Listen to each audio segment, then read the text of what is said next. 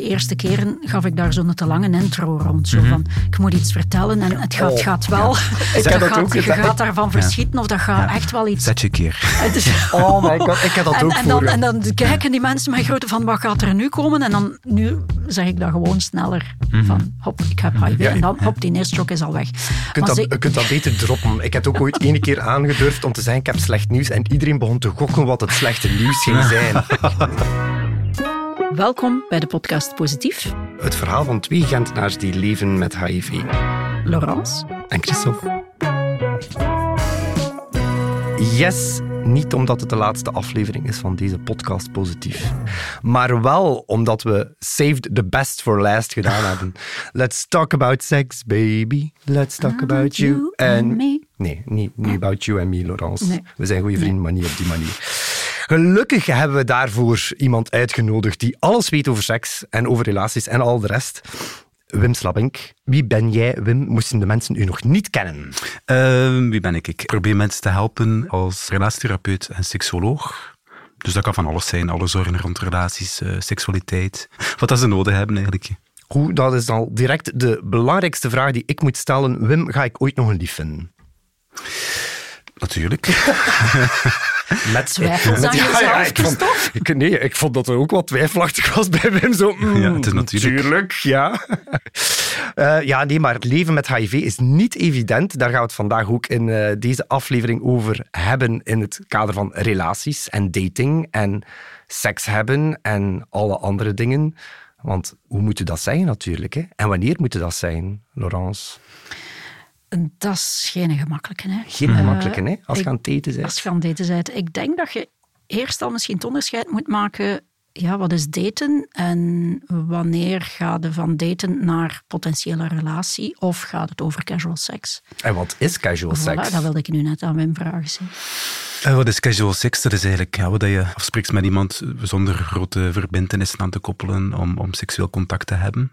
En ja, dat je daar inderdaad eh, een zekere vrijheid hebt om je niet re- relationeel verder te engageren of te binden.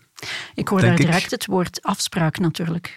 Want dat, dat veronderstelt dat twee mensen die afspraak Mhm. kunnen maken. Terwijl ik kan mij voorstellen dat het niet voor beide partijen altijd even duidelijk kan zijn. Wat dat dan een verschil geeft in verwachtingen. Wat dat dan voor mij ook bijvoorbeeld de grens is. Wanneer moet je het aan iemand vertellen? Mhm. Ja, dat is een hele moeilijke. Hè? Hoe pakken jullie dat bijvoorbeeld zelf aan als dat gaat rond casual dating? Ik doe dat niet. Sorry. ik doe dat niet casual seks. Ik weet niet waarover dit gaat.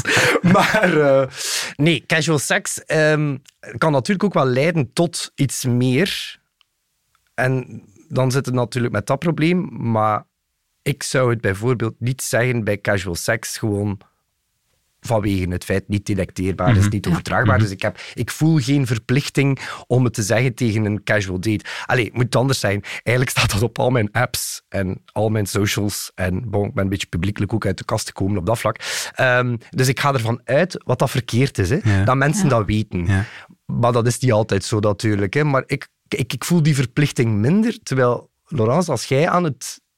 Je hebt nu lief, maar aan het daten waard, was dat misschien wel wat anders. Want wanneer... Het is een heel groot verschil. Nu, ik ben natuurlijk ook al veel langer eh, positief dan, Mhm. dan Christophe.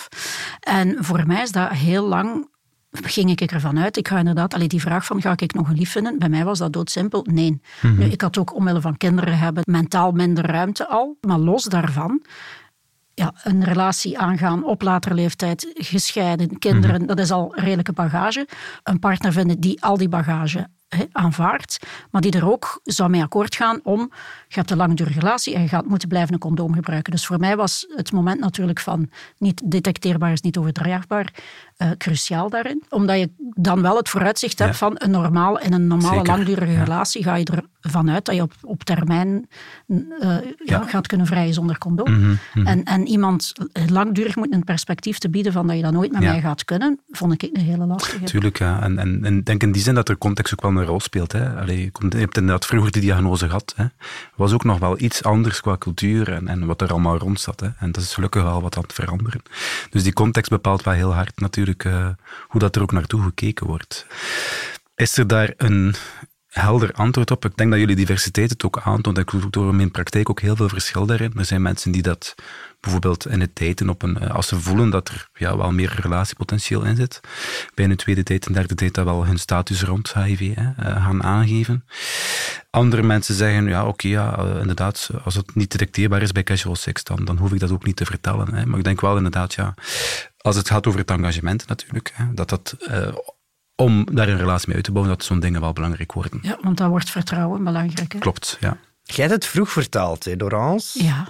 Ik heb inderdaad eens dat ik het dan weer mezelf zeg maar, op de datingmarkt mm -hmm. gesmeten heb. Oh, ik heb dat all over the place. Dat was, dat was indrukwekkend. Dat was echt indrukwekkend. Uh, heb ik eerst een negatieve ervaring gehad, maar mhm. inderdaad wel met het idee van bij een tweede date vind ik zelf, of het moment dat je voelt van ja, als ik het hier nu niet ga vertellen, dan mhm. gaat het te laat zijn. Mhm. En dan is die persoon de eerste keer daar echt wel op geblokkeerd. Niet met zoveel woorden, van het was allemaal in orde. Ja, maar als je voelt dat, er bepaalde, dat er toch fysiek contact duidelijk minder wordt, ja, dan heb je het wel door. Hè. En die had niet de moed om dat ook zo aan te geven. En dat is pijnlijk. Mm dus de tweede keer dacht ik dan van, nee, ik ga dat, ja. Mm -hmm. Dat dan net nog vervroegd. We kenden hem nog maar Dan heb je het dan ja, op de eerste... de 24 uur. Allee, de date ja. s'avonds, s morgens de wandeling gaan maken met Christophe. en uh, ja, dat was fantastisch. Hè, als zij daar dan, we hebben het er toen ook over gehad, net voordat ik het moest vertellen. Ik weet nog, Christophe, dat wij zeiden van eigenlijk hebben we wel een instrument in handen ergens. Allee, zo klinkt het, klinkt een beetje raar. Om te weten of je een, een, ja, een goede partner, zeg maar, of, dat zegt veel over die persoon. Als mhm. die jou binnen de 24 uur kan aanvaarden mhm. van dat maakt voor mij niet uit. En, en de vragen die hij zichzelf stelde ook.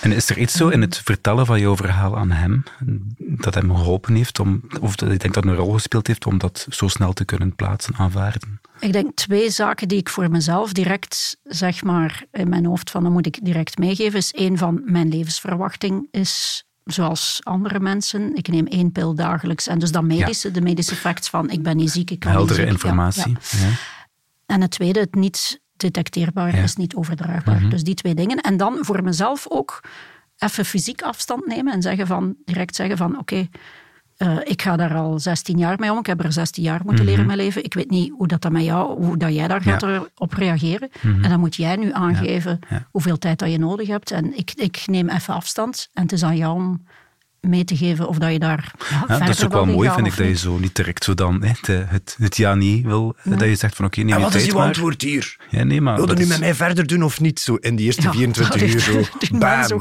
Kwestie van de druk er helemaal op de lijn. Het is een enorm verschil in tempo. Hè. Je zit al een heel, heel lang traject van aanvaarding, dat we mee worstelen, aanvaarden, hè, daarmee omgaan, het ook vertellen dan. Terwijl dat er voor die mensen wel nieuwe informatie is. En de angst voor afwijzing is er wel altijd natuurlijk, voor mensen die leven met HIV. Allee, je hebt het ook meegemaakt met met, iemand ja. uh, dat je daarvoor leren kennen had. Uh, ik ben ook al afgewezen. Maar dat is dan eerder van, vanwege mijn publiekelijke communicatie. En dan zien ze dat en dan zeggen ze, ja, oké, daar kan ik niet meer verder. En dan denk ik, oké, mhm. dat is dan goed. Hè? Want dan weet het inderdaad ook direct. Ja, ja.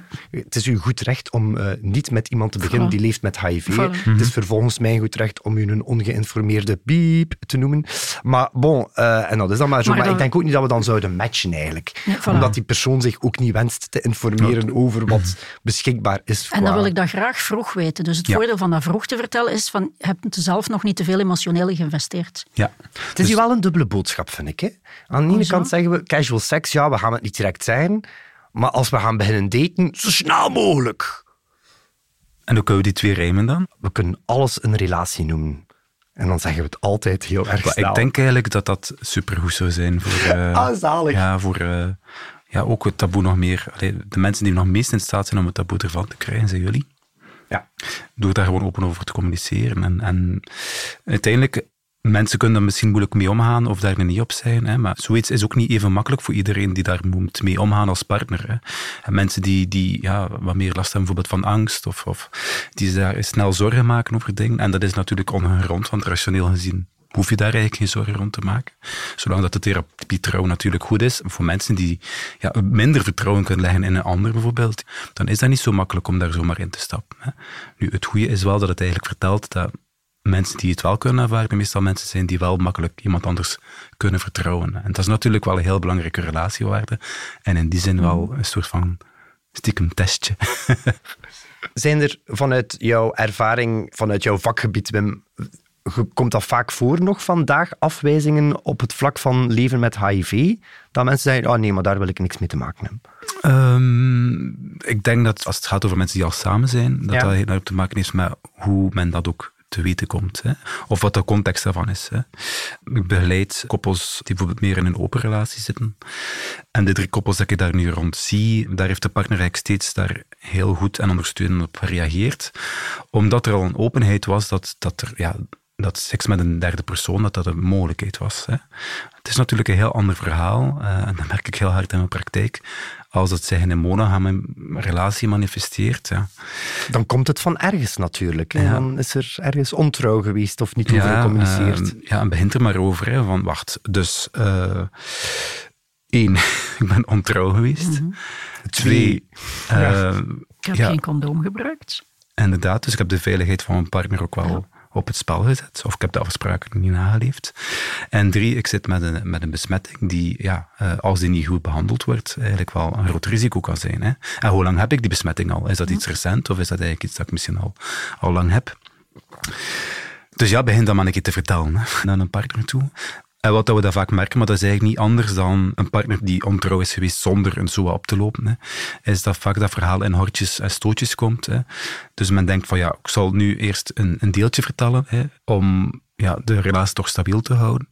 Eh, en dan merken we Om de klap ook niet ja, te groot te Om maken. de klap niet te groot te maken. Maar dan merk, merk ik eigenlijk, zo goed als altijd, eh, dat het niet vertellen van het hele verhaal net het grootste probleem wordt op Ik termijn. kan het me voorstellen. Want Voor- toen- wat komt er nu ja. nog allemaal? Wat gaat hij nog allemaal te vertellen? Maar ik zou dat toch ook wel lastig vinden. Zo, we gaan het hier allemaal een keer in één keer Ja. op zijn nek, in mijn geval zijn nek smijten. En dan maar hopen dat alles blijft verder draaien. Ja, toch is, is denk ik de beste voorspeller om, om een toekomst samen te hebben. Omdat vertrouwen kan geraakt worden, het zal nooit volledig hersteld worden, het zal anders zijn. Maar als je het meermaals het verhaal in hortjes en stootjes komt, ja, dan wordt dat vertrouwen weer geschaad.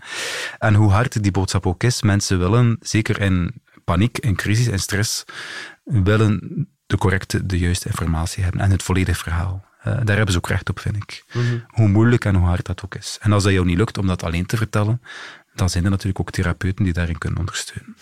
Had jij dat maar gehad, een therapeut? Zeg. Ja, nooit gehad. Sorry, ik ben aan uw verhaal aan het denken van in Mozambique. Allee, ja, jij hebt het ook via uw partner Ehm, de overdracht gekregen. Ja. Mhm. En ook zonder... Wat ik ook geleerd heb in het verschil tussen ons, Laurence, is ook het, het verschil in netwerk ook. Ja. Ehm, bon, het is niet dat je daar geen netwerk had natuurlijk. Je had daar ook mensen. Maar jij het met eh, twee mensen, denk ik, uiteindelijk... eh, Ik had twee heel goede vriendinnen, behalve het medisch personeel, hè, de huisarts en de gynaecoloog en ehm, iemand voor de HIV-behandeling. Had ik daarnaast twee heel goede vriendinnen die mij steeds opgevangen hebben en die voor mij alles betekenden op dat moment. Zonder hen had ik dat inderdaad nooit kunnen doen. Een gigantische druk op die mensen. Hè.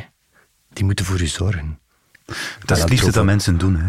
Eh, Zorgen voor elkaar. Absoluut, ja, dat voelen we ons nuttig en, en, en hebben we een functie in ons leven.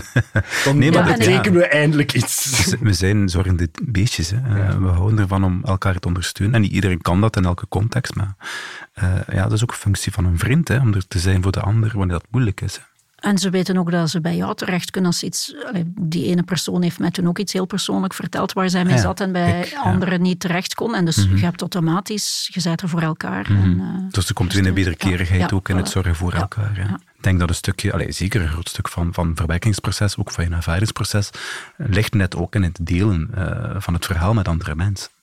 Zijn er tips? Wat moet een mens doen om dat toch te kunnen vertalen? Wat moet je daarvoor doen? Er zijn mensen die minder goed kunnen omgaan met onvoorspelbaarheid. Hè. Wat gaat de ander doen? Hè? Als ik iets vertel, hoe gaat de ander daarop reageren? En dat blokkeert sommige mensen gewoon. Hè. En voor zo'n mensen denk ik dat het heel belangrijk is, eh please, laat je bijstaan dan voor iemand die kan helpen om dat wel te vertellen. Denk aan een boezemvriend, denk misschien aan een therapeut of een familielid die als een soort van brugfiguur kan, kan fungeren. Hè. Om bijvoorbeeld de boodschap aan die belangrijke ander, je partner of wie dan ook, je kind, hè, eh, te gaan vertellen.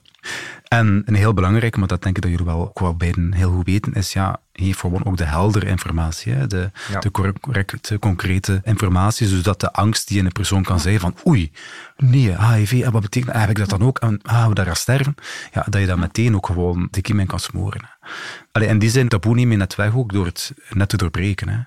En is het goed dat we daar niet te veel fus meer proberen rond te maken en, allee, en daar voor die doorbraak proberen te zorgen. ook. Als ik denk de keren dat ik het uiteindelijk heb verteld, ik, ik- de eerste keren gaf ik daar zo'n te lange intro rond. Zo van, ik moet iets vertellen en het gaat, Oh, gaat wel. Ik Je heb dat gaat, ook je gaat daarvan verschieten of dat gaat Ja. echt wel iets... Zet, zet je keer. Het is- Oh my god, ik heb dat en, ook en, dan, en dan kijken die mensen mij grote van, wat gaat er nu komen? En, dan, en nu zeg ik dat gewoon sneller. Van, hop, ik heb HIV. Ja, en dan, hop, die neerstrook is al weg. Je kunt, Maar dat, ze- je kunt dat beter droppen. Ik heb ook ooit ene keer aangedurfd om te zeggen ik heb slecht nieuws en iedereen begon te gokken wat het slechte nieuws ging zijn.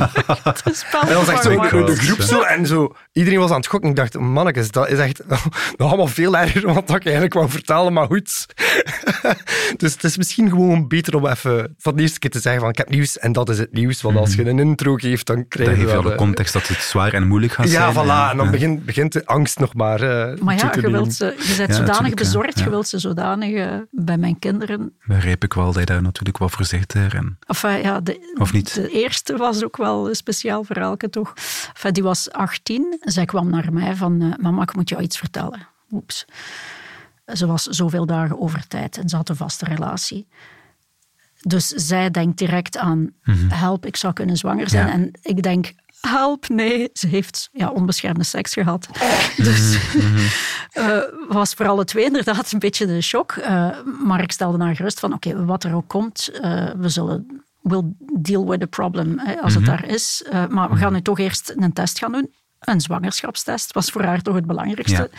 En dan was die negatief, dus zij helemaal opgelucht. En ik zie ons daar nog zitten, naar een labo gereden. Dat was dus ook in Mozambique. En dan in mijn autootje zo van, oké, ja, we gaan het wel nog even over iets anders moeten hebben. Want, eh, en dan begon ik het in te leiden. En dan ineens besefte ze het ook waar ik naartoe ging. Of ik weet niet meer wat ik precies zei, dat het iets persoonlijks. En zei ze van, nee. En zei ik van, ja, maar heb je mij ooit ziek gezien? Ik bedoel, ik had dat toen al acht jaar of zo. Dus je Ja. hebt mij nooit ziek gezien. Dus die eh, bezorgdheid Ja, om, die om ziek te worden. die- ook, ja, ja. En wat ik er ook wel direct gezegd heb, vond ik ook een belangrijke, want we hebben het gehad over de druk op de mensen die je zet, die het weten, dat zij het wel mocht zeggen aan wie zij wilde. Eh, ik had, ze wist dat heel weinig Mhm. Ah, ja, mensen het wisten, ja. maar wel, ze heeft nog ja, twee jongere zussen. Ja. Dus dat het wel belangrijk was dat de zussen het uiteindelijk van mij zouden horen in de eerste zo, plaats. ja. Mhm. Dus dat ze daar, daar wel voorzichtig moest mee zijn. Ja. Maar in haar eigen omgeving, ik wil niet dat zij met die Ja, maar dat vind ik wel- eh, zitten. super eh allee, goed van je, dat je zo ook wel een stuk vrijheid geeft aan je kind, van oké, zodat zij daar niet alleen mee zit, hè, maar dat ze het ook kan delen met mensen die belangrijk zijn voor haar. Maar dan moet je ook zelf al, al sterk genoeg zitten in je proces, om te weten van oké, ja, nu kan het wel eh, op school of waar dan ook hè, zich verspreiden. Allee, neem ook de tijd om voor jezelf ook wel even dat aanvaardingsproces te doen. Hè. Eh, wat betekent dat nu voor mij? Hè? En hoe wil ik daar ook over communiceren? Hoe kan ik daar ook goed over communiceren met mensen? Informeer je goed en spreek met een paar mensen dicht bij jou af hè, eh, om daarover te hebben. En dan langzaamaan voel je wel van oké, ben ik nu klaar om dat dan verder te gaan delen. En indien mogelijk, ga voor professionele begeleiding. Ja, dat, jij moet dat zeggen, hè, Wim. Eh, het is uw business. Het is mijn business. Ja, als, het, dat- als dat jou helpt, probeer het in elk geval. Hè. Eh, Ik denk ook dat je in Ja, ja. Gent bijvoorbeeld ook wel heel goed ondersteund bent geweest. Christophe? Absoluut. Maar ik ben ook naar u gekomen, hè, Wim. Ik denk binnen de maand na mijn diagnose zat ik al in de praktijk bij Wim. Hoe hard Ja. schrokte jij van het nieuws? Mm, niet echt, omdat dat voor mij een HIV-diagnose, omdat ik ook wel allee, de informatie en de kennis heb en ook al mensen daarom begeleid heb, ja, dat is geen doodvonnis. Hè. Dat, is Nee, nee, gewoon, dat ja, is- bon, dat is gewoon een diagnose tegenwoordig die behandelbaar is. In C schrik ik dat niet, maar denk natuurlijk van, oei, oké, hè, wat betekent dat voor die mens? En dan kwam er ook heel snel ook een idee bij hem om daar eigenlijk iets heel constructief mee te gaan doen. Hè. Eh, om daarmee in de openheid te trainen. Dat is een proces die ook tijd gevraagd heeft. Je hebt het ook supergoed voorbereid. En hier zit me vandaag dan. Hè. Allee, bedoel, Een dan denk podcast ik te maken, ja, zeg. Ja. Ik wil het graag nog even over kinderen hebben. Omdat Ja? ik dus, eh, dat vond ik zelf een heel lastige. De juiste leeftijd wanneer dat je het aan je kinderen vertelt. En nu, zeker in de context in Mozambique, ik was bang dat ze de kinderen zouden kunnen gepest worden op school. Mhm. Dus ik wilde zeker lang genoeg wachten. Toen is het een spontane gesprek met mijn oudste dochter gekomen. Mhm. De tweede is vier jaar jonger. Dan hebben we het samen, mijn oudste dochter en ik, verteld aan de tweede. En dat was dus inderdaad een grote steun. samen met het- uw ja, oudste dochter. ja. Amai. En dat vond zij ook belangrijk om erbij te zijn, om steun te kunnen geven Mooi, aan haar zus. En dan opnieuw nog eens met de derde. Dat is pas een jaar geleden. En met dat verschil dat natuurlijk zij de dochter is van wie ik toen zwanger was. Hè? Dus dat het van haar vader was. Dus wij hadden, ik met mijn twee oudste dochters, daar heel veel over gepraat. Van hoe gaan we het aan haar Ja. vertellen? En heel bezorgd wat dat de juiste leeftijd zou zijn. En eh, puberteit op zich is al een woelige periode. Dus mijn oudste dochter vond, nee, we kunnen daar echt niet in de puberteit. Dat gaat veel te zwaar aankomen. We bereiden dat allemaal ongelooflijk voor. Van nee, we gaan het dan in de vakantie. Het kan ze bij jullie terecht enzovoort. Eh, hele flowchart. thuis. en dan we het daar en die kijkt zo van... Ja, en wat moet ik daar nu juist van weten? Ga jij, zei jij daar ziek van of zo? Ja, nee. Oh, oké. En dat was het. Zo typisch, typisch So? Boeien, Eh, niet dus interessant. heeft nooit die, ja, ook die schrik had eh, Mhm. van dat er met mij iets zou zijn. Terwijl de eerste twee dat wel duidelijk, Ja, die reflex, maar die, die moest ik echt geruststellen. Omdat die mogelijk ook toen nog in een andere tijd zaten. Ja, Bij zo'n ja. spreken met andere informatie. Ja. Maar het zal waarschijnlijk wel een rol spelen. Maar dit is een heel mooi voorbeeld dat de maatschappij aan het veranderen is. En dat we dat ook allee, ik allemaal moeten omarmen. Hè. Maar aan de andere kant is het heel normaal dat je als mama, ook als dochters, al het mogelijke wil doen dat het bij haar ook goed valt. Ja. Maar ja, dus ik vroeg me eigenlijk af, wat is volgens u het, het goede moment, of Mhm. de goede leeftijd ongeveer, om het aan kinderen te vertellen? Wel, misschien is het belangrijk dat we dat een beetje in een bredere context even plaatsen. Hè. Eh, Er zijn bijvoorbeeld studies geweest rond racisme bij kinderen. Van hoe krijgen ze die informatie binnen? En soms houden we ervan uit van ja, we hoeven daar eigenlijk niet meer over te vertellen, want allee, kinderen zijn wel op de hoogte. Hè. De samenleving is multicultureel. Maar dat is eigenlijk een supergrote fout, want eh, als we iets niet vertellen, dan, dan zijn er zoveel vooroordelen, stereotypen, die wel hun weg zoeken. Dat is bijvoorbeeld ook zo bij racisme. Dus kinderen worden eigenlijk meer racistisch als wij niet de juiste informatie geven. Hè. Dus enerzijds denk ik van, ja, natuurlijk moet je wel een beetje gaan nadenken, ook met uw kind, wat dat een goede leeftijd is. Hè. Maar we moeten vooral ook ruimer, hè, in netwerk, in scholen, en informatie die van de overheid komt, daar absoluut op blijven inzetten om die informatie ook te blijven aanleveren. Hè. Een HIV-diagnose, wat dat dan nu eigenlijk betekent. Want als we dat niet doen, dan blijven die vooroordelen toch sluimeren. Dus daarom is het super jammer als je nu naar de eindtermen gaat kijken. Rond seksuele en relationele vormen, ja, dat is nu weer in de voetnoten gezet. Hè. Dus, dus, Niet nodig. dus dat is waar eens onderaan in een, een bundel van eh, waarschijnlijk 200 pagina's. Ja. Eh, dus het is eigenlijk niet nodig dat we daar eigenlijk eh, te veel aandacht aan geven. Hè, zolang dat iedereen wel respect heeft voor elkaars overtuiging. Ja, nee, hè. het moet omgekeerd. We moeten absoluut wel die informatie geven. Mensen moeten geïnformeerd worden. En als ze die informatie hebben, en vertelt als mama dan aan uw kind van, oké, hè, eh, mama heeft eh, HIV, ja, dat is misschien inderdaad boeien. en zo zou het moeten zijn. Zo zou het moeten zijn, ja.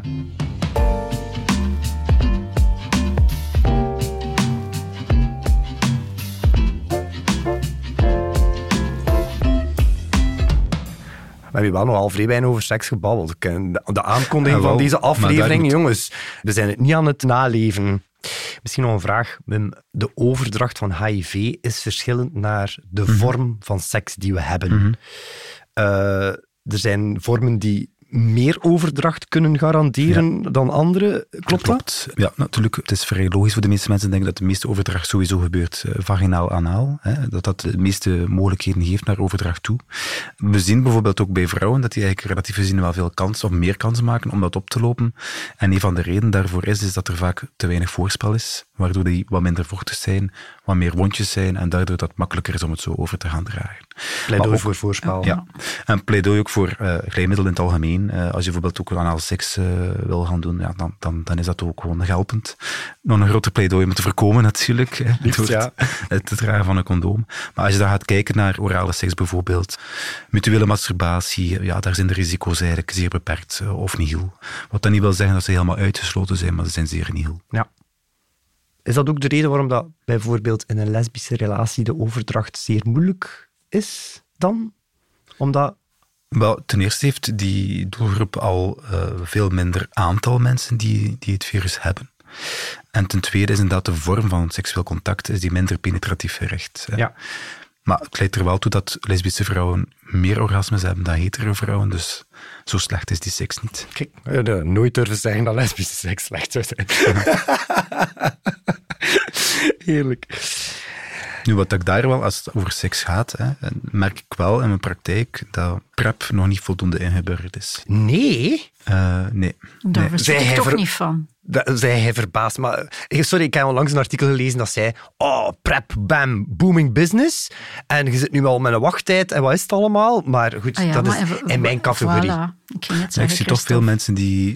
PrEP zorgt er eigenlijk voor dat de kans dat je HIV oploopt verdwijnt. Hè? Dus dat je eigenlijk beschermd bent tegen HIV. Nu, dit zit niet het risico naar andere SIOA's weg. Maar als je een open relatie hebt, als je seks hebt met meerdere partners, lijkt het me sowieso aangewezen om dat te gaan overwegen. En als ik dan de vraag stel van, ja, heb je al overwogen, hè, want eigenlijk voldoe je wel aan de voorwaarden om PrEP te nemen, heb je dat overwogen? Goh, ja, eigenlijk niet, ja, niet. Uh, zou dan nuttig kunnen zijn? En we focussen dan meer op mannen die seks hebben met mannen, maar het gaat veel breder dan dat. Hè. Allee, bedoel, de open relaties zitten niet enkel bij mannen die seks hebben met mannen. Uh... Nee. Wat, die hetero's doen dat ook al, of Ja, maar die stellen zich wat minder de vraag. En ook daar, als je bijvoorbeeld gaat kijken naar mensen die naar parenclubs gaan bijvoorbeeld, ja. wie loopt er daar de meeste SOA's op? Dat zijn niet de 20 of 30-jarigen, maar dat zijn de 40 of 50-jarigen, die bijvoorbeeld als ze op restaurant gaan ook wel een keer een glasje te veel drinken, want ik kan dat wel tegen. Die gaan ook naar het barclub. Ja, een SOA, daar ga ik niet tegenkomen. Ze. Dus, dus daar is er absoluut wel nog, nog werk en, en voorlichting en, en, informatie geven. Want ja, als je ervoor kunt beschermen. Personal confession in deze. Ik heb PrEP overwogen. Mhm. Toen dat gedaan was met mijn relatie en ik wisselende contacten had, dacht ah ja, dan hè, doe ik zeker aan de voorwaarden om PrEP te nemen. En het was voor mij net het punt dat je natuurlijk niet beschermd bent tegen de andere SOA's. Ah, ja. Uh, want je bent niet beschermd tegen de rest van de dierentuin. Dat ik dacht van, ja, dat is niet nodig. Mhm. Uh, want tot op dat punt, ik heb ook altijd beschermde seks. Ik gebruik Mhm. altijd een condoom. Waarom zou ik die miserie, het is geen miserie, maar waarom zou ik die last erbij nemen van om een keer prep te gaan nemen en iedere dag een pil te pakken, terwijl ik eigenlijk toch beschermde seks heb? Ja, bon. Vier maanden later had ik dan blijkbaar geen beschermde seks meer en dan Mhm. twee maanden later de diagnose. Dus het kan snel gaan. Dus het is inderdaad wel een goede zaak als je met wisselende partners zit. Ja, en ik denk dat, dat we daar nog meer moeten gewoon worden om dat ook te durven benoemen of bespreken met een ander. En ook bij een omgeving, ken je mensen die meerdere partners hebben of die, ja, die wat meer risico lopen, ja, bespreek dat ook met hen. Uh, want het is heel vaak iets dat ze inderdaad niet altijd meteen aan denken, omdat we die reflex, die gewoonte ook nog niet hebben. Het is iets heel nieuws ook hè, in onze maatschappij. Ja. ja, prep is booming business, zei ik daarnet, maar dat is meer in de homoseksuele contraien, want Ja. Laurence reageerde En, hier wat, heel nee, verbaasd. Condoom is ook geen booming business, hè? Ah, nee? Ik hoor toch bijvoorbeeld van Dat mijn het dochters afneemt, dat ja. het, het gebruik enorm afneemt en dat het ook heel moeilijk is voor jonge meisjes dan Ja.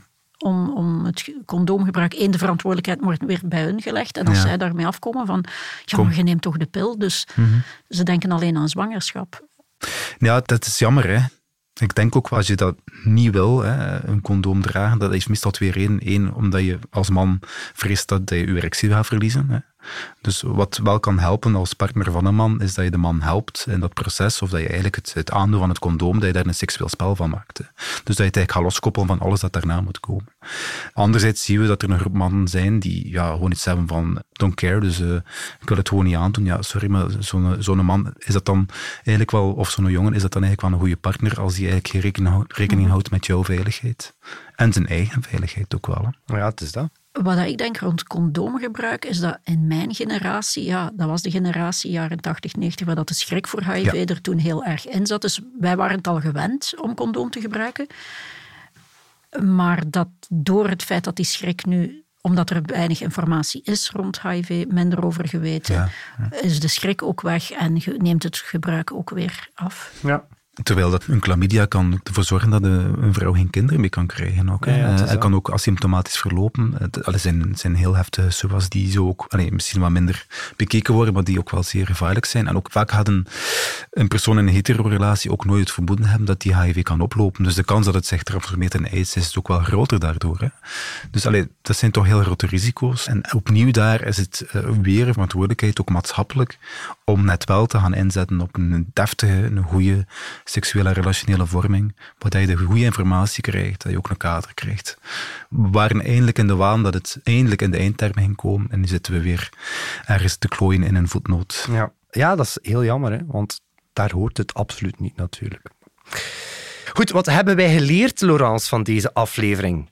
Dat je zelf klaar moet zijn om het aan iemand te vertellen, te delen. Dat er moet over gepraat worden. Amai, ik denk dat dat gewoon ook omdat dit de laatste aflevering is van onze podcast. Toch een beetje spijtig, hè? Ja, het is wel spijtig, hè. Zo, zo goed op dreef eigenlijk. Maar het is ook de conclusie eigenlijk voor de podcast positief in zijn algemeenheid, denk ik een beetje. Praat erover. Vrij veilig, alsjeblieft. Probeer toch liever voorkomen als het kan. Niet detecteerbaar is niet overdraagbaar. Ik denk dat die boodschap ongeveer in elke aflevering zat. Dat is dan Eh, ook wel heel belangrijk. Maar het is een belangrijke boodschap natuurlijk. Maar ik denk, praat erover is een hele belangrijke. En ik wil daar even ook de nadruk leggen op het feit, niet alleen praat erover als je hetzelfde diagnose hebt. Ik denk dat het ook superbelangrijk is dat we als maatschappij en mensen en netwerk en iedereen die er rondhangt, dat we ook aangeven dat we klaar zijn om daarover te praten. En dat moet niet hele dagen zijn. Laat ons kiezen voor 1 december Wereld Aidsdag. Is een geschikt moment om aan te geven van met mij kunnen erover praten. Want de druk mag niet alleen liggen op de mensen die leven met HIV. Want sommigen vinden het nog altijd heel lastig om daar uit die kast te komen. Ik denk dat we daar collectief wel een, eh, een steentje kunnen bijdragen. Maar goed, daarvoor was deze podcast ook een stuk natuurlijk gemaakt. Hè? Of niet? En het was ook plezant. En het was plezant. Wim, heel erg veel dank voor jouw professionele begeleiding van deze aflevering. Dat is We hebben, geen, we hebben geen klachten hè, over Wim. Nooit. Nee, maar heel erg bedankt. En eh, ik denk dat er eh, een paar heel belangrijke boodschappen ook weer in zaten in deze aflevering. En misschien tot een volgende. Doei.